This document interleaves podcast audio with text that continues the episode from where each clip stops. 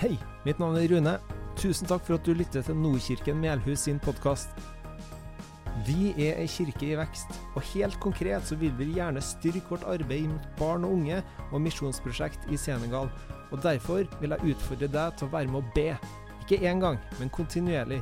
Vær med å gi gjennom fast givertjeneste. Vær med å bruke de gavene du har fått, til en velsignelse for andre. Se nordkirkenmelhus.no for mer informasjon om hvordan du kan engasjere deg. Lykke til. Jeg heter Rune, pastor i Nordkirken Melhus. Eh, For dere som ikke vet hvem jeg er, så har jeg ei kone, har tre barn, bor på Løvseth, Hestera. Eh, Hektisk småbarnsliv. Altfor mange hobbyer som jeg ikke rekker å dyrke. Eh, Ja, det er meg. Så kan jeg heller få lov til å spørre hvis det er mer du lurer på. Eh, Det er jo en glede å se dere alle sammen. Alle generasjoner representert. Det syns jeg er veldig, veldig kjekt. Det, og det, det sier jeg jo hver gang, at det er glede. Og jeg er ikke en sånn person som har mye følelser utenpå kroppen.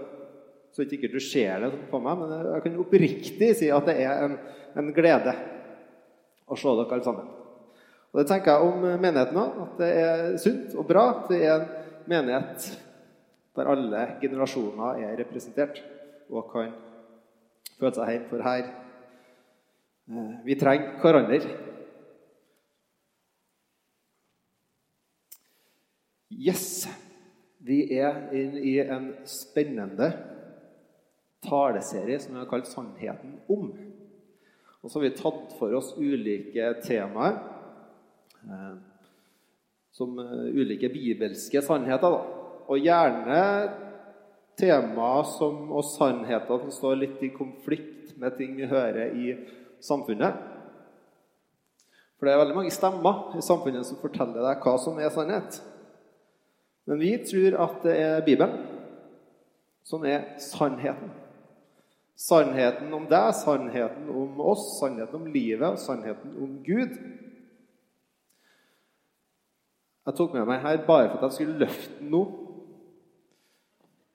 Så kan det få ha sin effekt. Eh, Men vi har også, som Lisa var inne på sist, historisk og vitenskapelige beviser for de troa som vi har. Og det er, eh, er godt å kjenne at man har en tyngde der òg.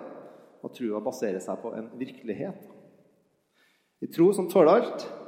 Og grunnholdninga vår er at Bibelen det er Guds ord og øverste autoritet i alle spørsmål knytta til tro og kristent liv.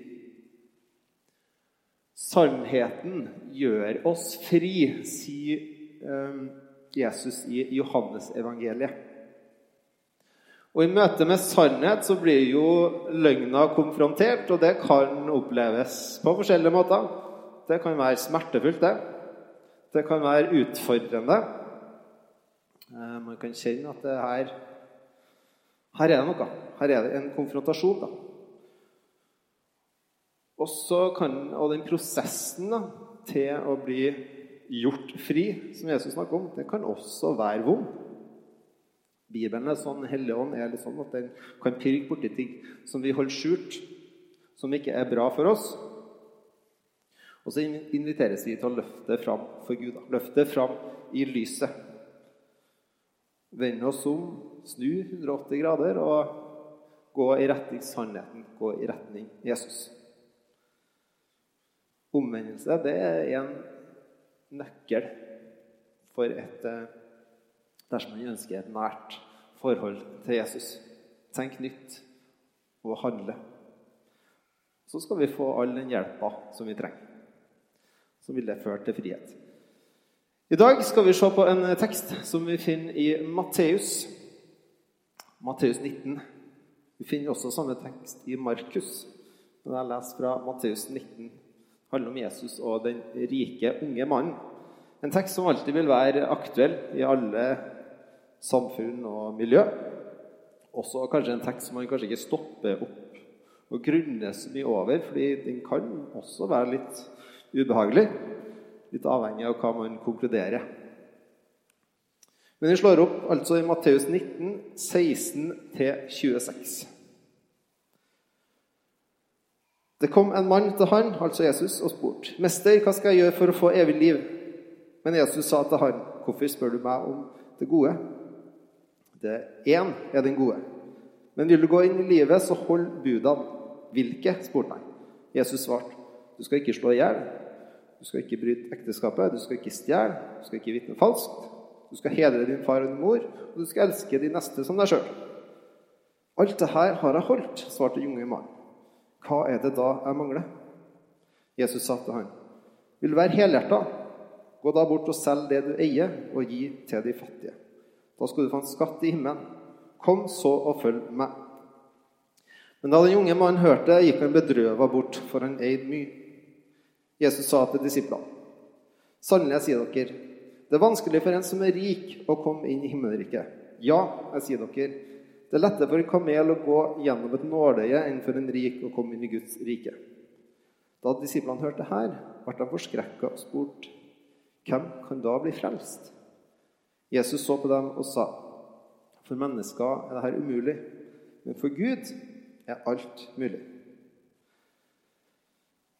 For uh, Før vi går videre, så vil jeg bare uh, må, må ha det klart at uh, rikdom måles ikke bare i penger som man tjener, eller penger som man eier og har.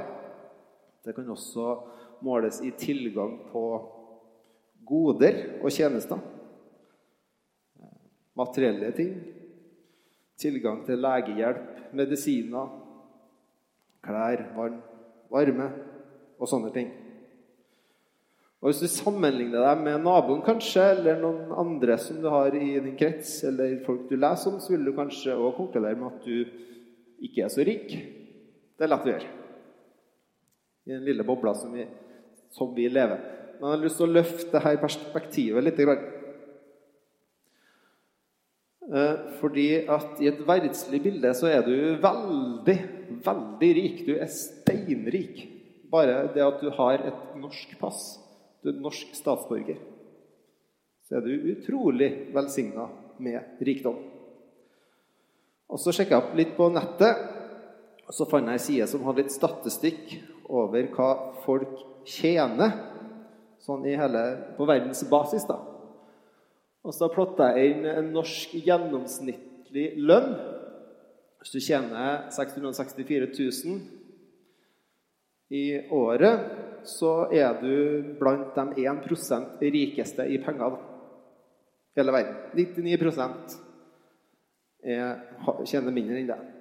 Du tjener altså 22,6 ganger mer enn gjennomsnittet, eller medianen.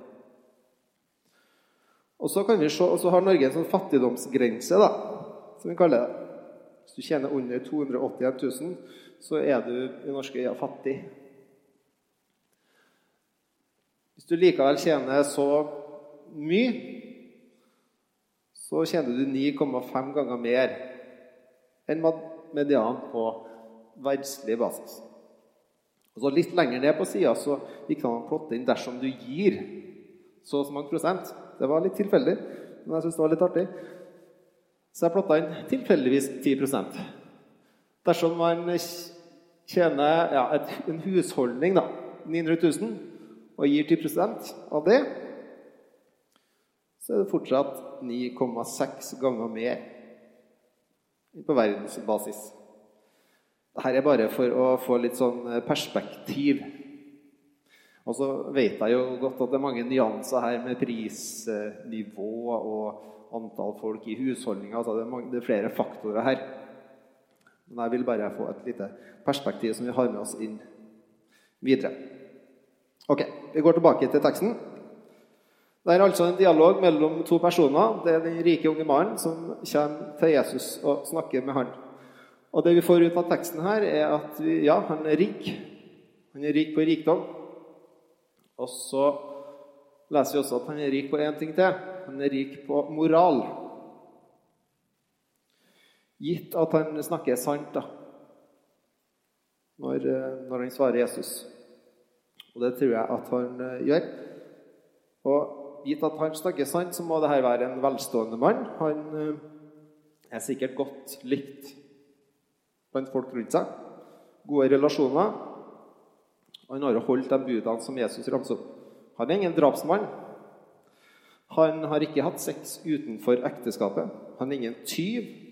Det er kanskje en person som har opparbeida seg rikdommen sin på en redelig og ærlig og rettferdig måte. Han behandler andre folk rettferdig.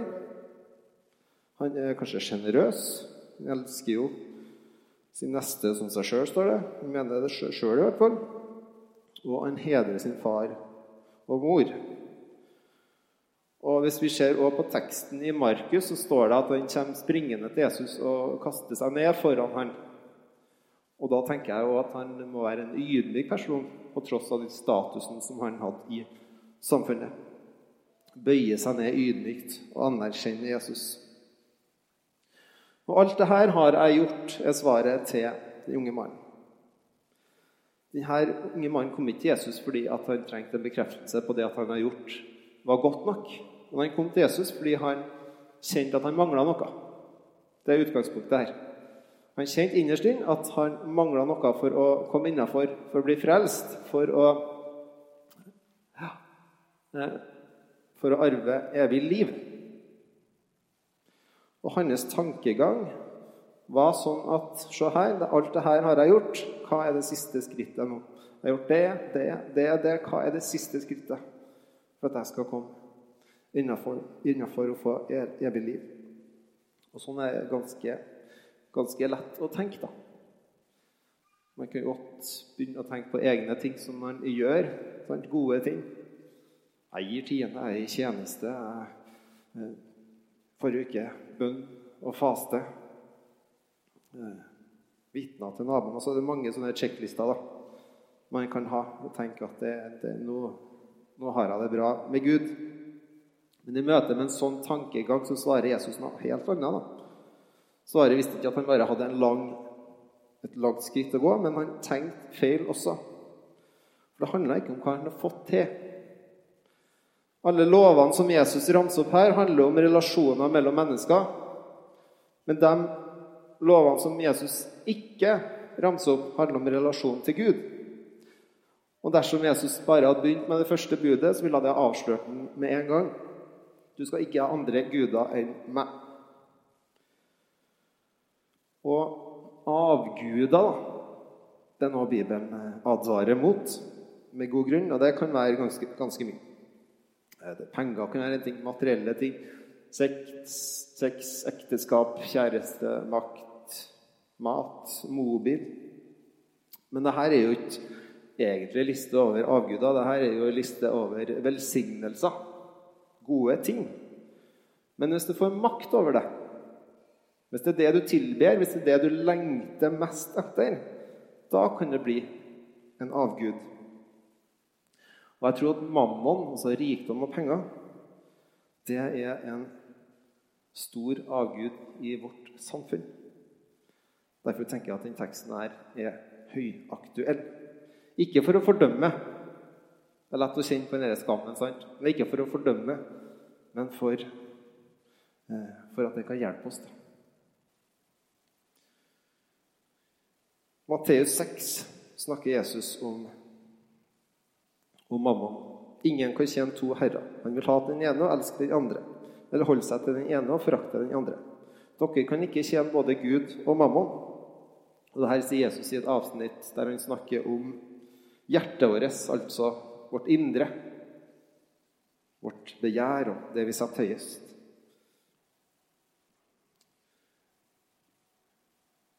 Vers 19 sier han dere skal ikke samle skatter på jorda, hvor møll og mark ødelegger, og hvor tyver bryter inn og stjeler. Men dere skal samle skatter i men dere skal samle skatter i himmelen, der verken møll eller mark ødelegger, og tyver ikke bryter inn og stjeler. For der skatten din er, vil også hjertet ditt være. Denne eh, mannens avgud, det var mammon. Gud han så gjennom lag, han så gjennom fasade. Altså Gud ser gjennom alt det her. Og så er det ikke gjerningene våre han vil ha. Han vil ha hjertet vårt. Han vil ha livet vårt. Hvis vi leser i Markus, samme historie, så står det en fin detalj der. Når Jesus ser og møter den rike unge mannen, så står det Jesus så på han og fikk han kjær. Eller som det er oversatt i Bibelen, Guds ord-oversettelsen. Jesus, som elska han, så da på han og sa. Det er akkurat som at han sier at jeg ser hva du egentlig trenger. Jeg ser hjertet ditt. Jeg vet at sannheten, den vil smerte. Men jeg sier det her til deg fordi at jeg elsker deg.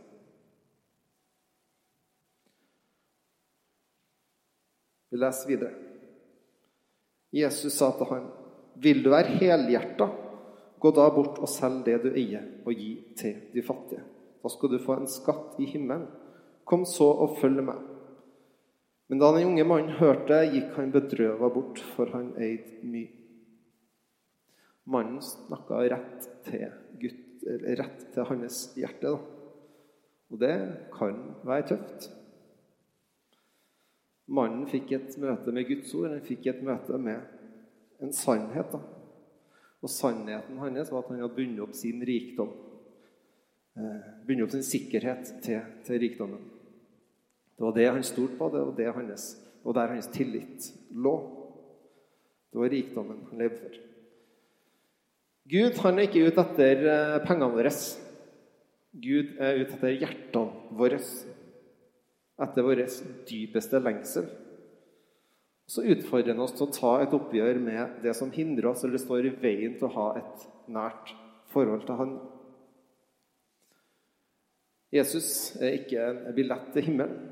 Han er ingen trylleformel som vi tar fram når livet, bare når livet er kjipt. Jesus han er ikke en sånn ekstra sikkerhet i forhold til alt andre. Men Jesus han er en relasjon. Han er en levende Gud. Og som Øystein sa tidligere i vinter han er herre. Herre over alt, over alle ting. Ikke ved siden av.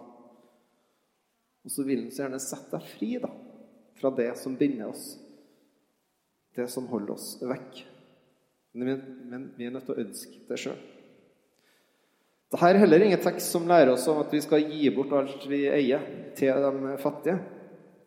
Det er ingen krav eller plikt til å gjøre det. Noen ganger så snakker vi om å gi tiende av det vi har. Jeg tenker at det er heller ingen krav eller plikt at vi skal gi tiende. Men jeg tror det er et veldig godt bibelsk prinsipp.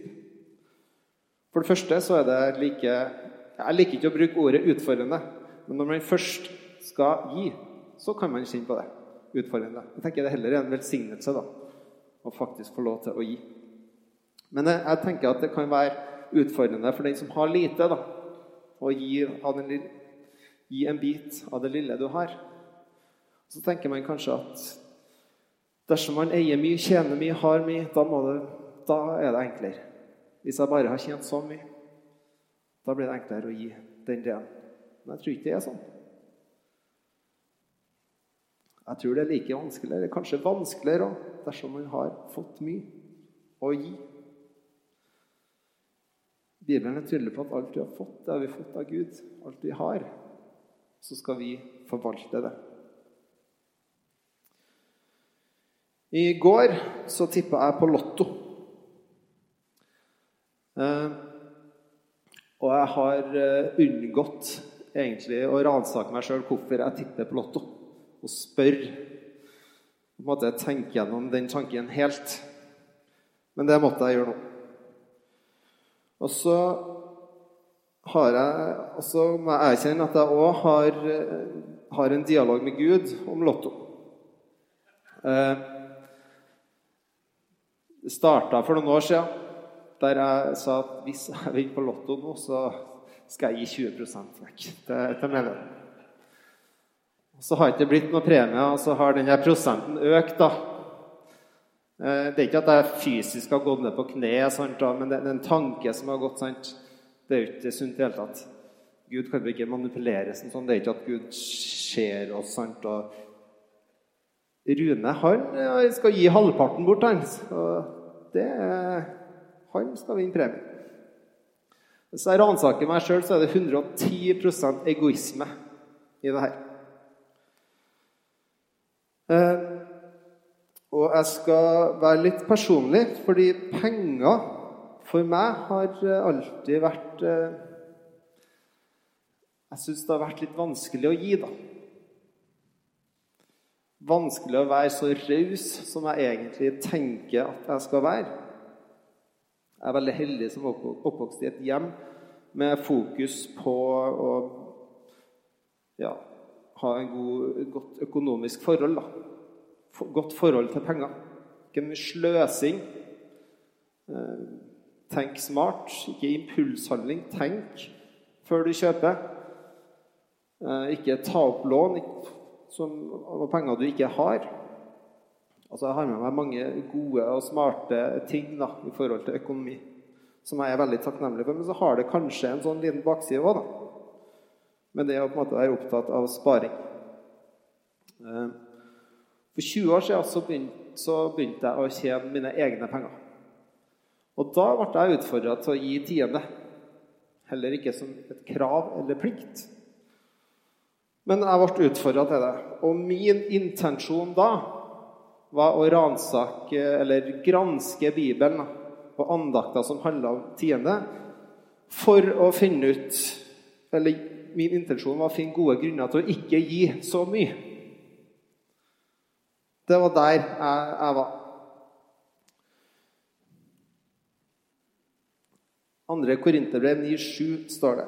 Enhver skal gi det han har bestemt seg for i sitt hjerte, ikke med ulyst eller av tvang, for Gud elsker en glad giver. Jeg begynte å gi tiende med ulyst. Jeg var definitivt ikke glad giver. Jeg vet ikke om jeg er en glad giver i dag heller. Men Ja, må være litt ærlig. ute. men eh, Ehm, men jeg begynte å gi tiende. Ehm, og så tror jeg vi skal lese dette verset heller som at eh, vent til du har skikkelig lyst til å gi. Vent til du blir glad over å gi. Jeg tror ikke vi skal lese det sånn heller. Jeg tror det handler om hjerte og tillit. da. Etter ei stund så ble det en vane å gi tiende. Satt alltid av 10 i en sånn eh, egen konto når jeg fikk lønn. Og så begynte jeg å kjenne på en glede over det. Jeg begynte faktisk å innse at jeg har jo fortsatt alt jeg trenger. Hmm. Selv om jeg i perioder ønska meg ting og skulle gjerne tenkt meg mer. Men så begynte jeg å få en glede. Men så fikk den gleden seg en stor knekk når jeg ble gift.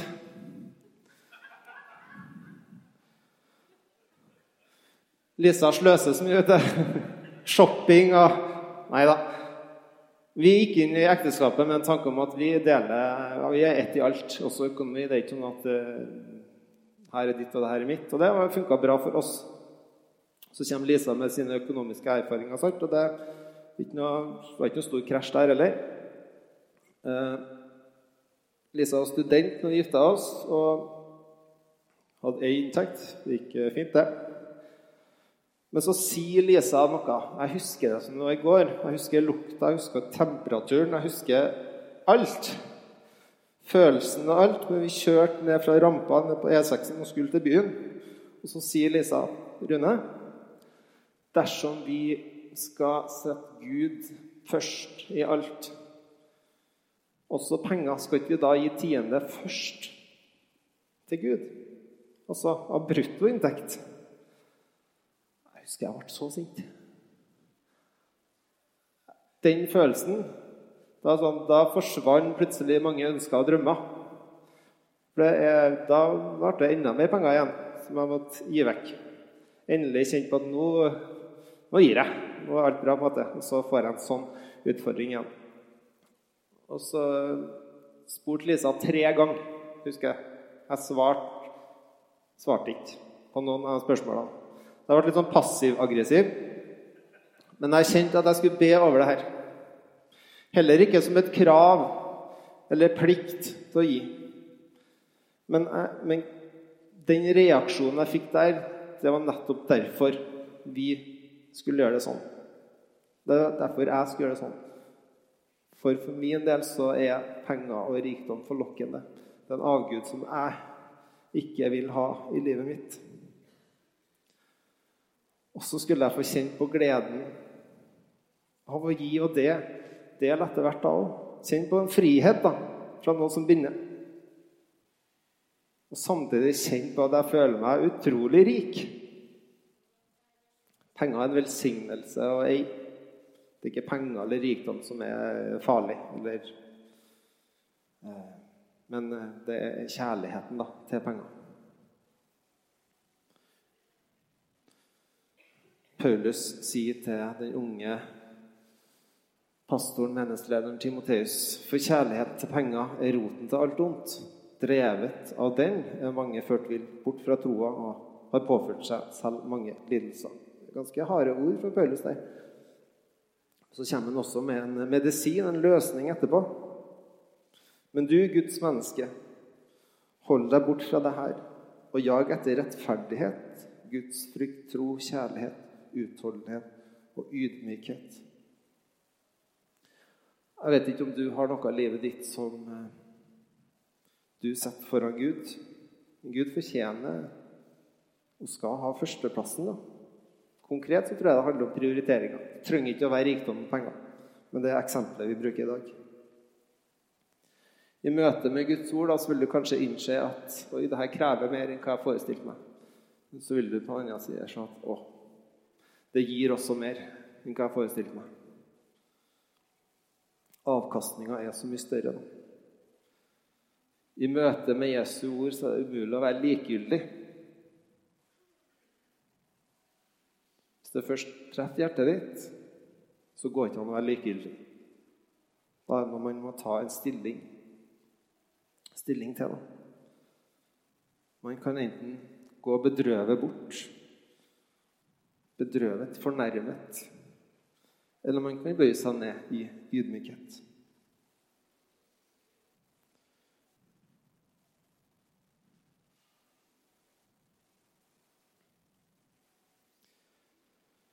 Jesus sa til disiplene, 'Sannelig, jeg sier dere' Det er vanskelig for en rik å komme inn i himmelriket. Ja, jeg sier dere, det er lettere for en kamel å gå gjennom et nåløye enn for en rik å komme inn i Guds rike. Da disiplene hørte dette, ble de forskrekka og spurt, hvem kan da bli frelst? Jesus så på dem og sa, for mennesker er det umulig, men for Gud er alt mulig. Det som er positivt her, er at hvis man går bedrøvet bort, som jeg kan gjøre, fornærma, så er det fortsatt håp. For man kan vende om. Du har også kanskje hørt at eh, nåløyet var en trang port i Jerusalem. Det stemmer. Men den ble bygd i middelalderen. Så glem det du har lært der. Dette var en jødisk talemåte om noe som var umulig. Babylonske jøder de brukte elefant som eksempel. Jesus brukte kamel mest sannsynlig for at det var det største dyret i Palestina. Rikdom vil ikke gi deg frelse. Du kan ikke kjøpe deg frelse. Under forberedelsene her så var det en setning som stadig dukka opp i hodet mitt. Du kan ikke betale deg til frelse. Du kan ikke betale deg til rettferdighet. Men for Gud er alt mulig. Betalinga har Gud tatt seg av. Håpet vårt ligger i nåden. Håpet ligger at vi har en tillit til Gud, uavhengig av hvor mye vi har. Så er det den som gjør oss rettferdig. Jesus sa til ham, 'Vil du være helhjerta, gå da bort og selg det du eier.' og gi det til de fattige. Da skal du få en skatt i himmelen. Kom og følg meg. Har du oppdaga at det er Jesus som er skatten? Av alt du kan jage etter status, rikdom Alt så kan ingenting sammenlignes med hans tilgivelse, hans kjærlighet, hans fred og det å være Guds barn. Det er den største skatten. Guds ord er tydelig, da. Vend deg mot Gud. Svelg stoltheten som jeg bærer på, og som jeg tror at mange av oss går og bærer på. Vi er jo eier av en fantastisk skatt. Hvorfor skal stoltheten vår vinne over den? Ta bort frimodigheten til å dele. Han ønsker at vi kommer fram for han i full ydmykhet og sier at Jesus, her er hele livet mitt. Her er søppelet mitt. Her er dritten min. Her er det jeg tenker og gjør. Så jeg makter ikke å leve opp til din standard. Og så tilgi meg. Og så vil han svare at ja, jeg vet det. Du er tilgitt. Og du er elska, og du er ønska. Gå med meg, så vil jeg hjelpe deg. Vi klarer alle å nå opp til Guds standard, og det er sannheten om oss. Vi kan aldri bli gode nok, men vi kan i tillit til det offeret Jesus gjorde på korset, vite at det er godt nok for oss. Vi kan ikke kjøpe oss rettferdighet. Jesus har allerede betalt den prisen da han valgte å dø for deg. Så stor kjærlighet har han for deg at han er villig til å gi opp alt for at du skal få alt. Skatten Gud har til deg, den er gratis. Tar du imot. Kom og følg meg, sier Jesus. Og det har en pris. Men du verden hvor stor den avkastninga er. Jeg tror fortsatt vi skal få se store ting her på Melhus. Jeg tror vi skal få oppleve mer av Guds rike her. Helbredelse. Jeg tror Gud skal få gjøre store ting i livet vårt. Jeg tror vi skal få være med og spre Guds rike til folk rundt oss.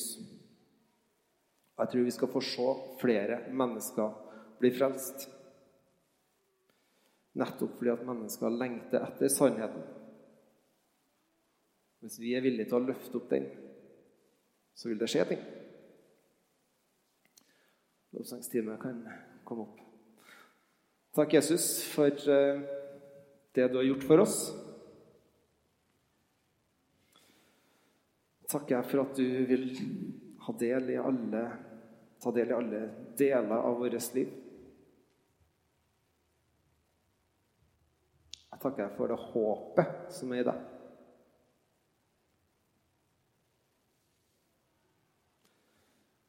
Hjelp oss å ta et oppgjør med det som ikke er bra for oss.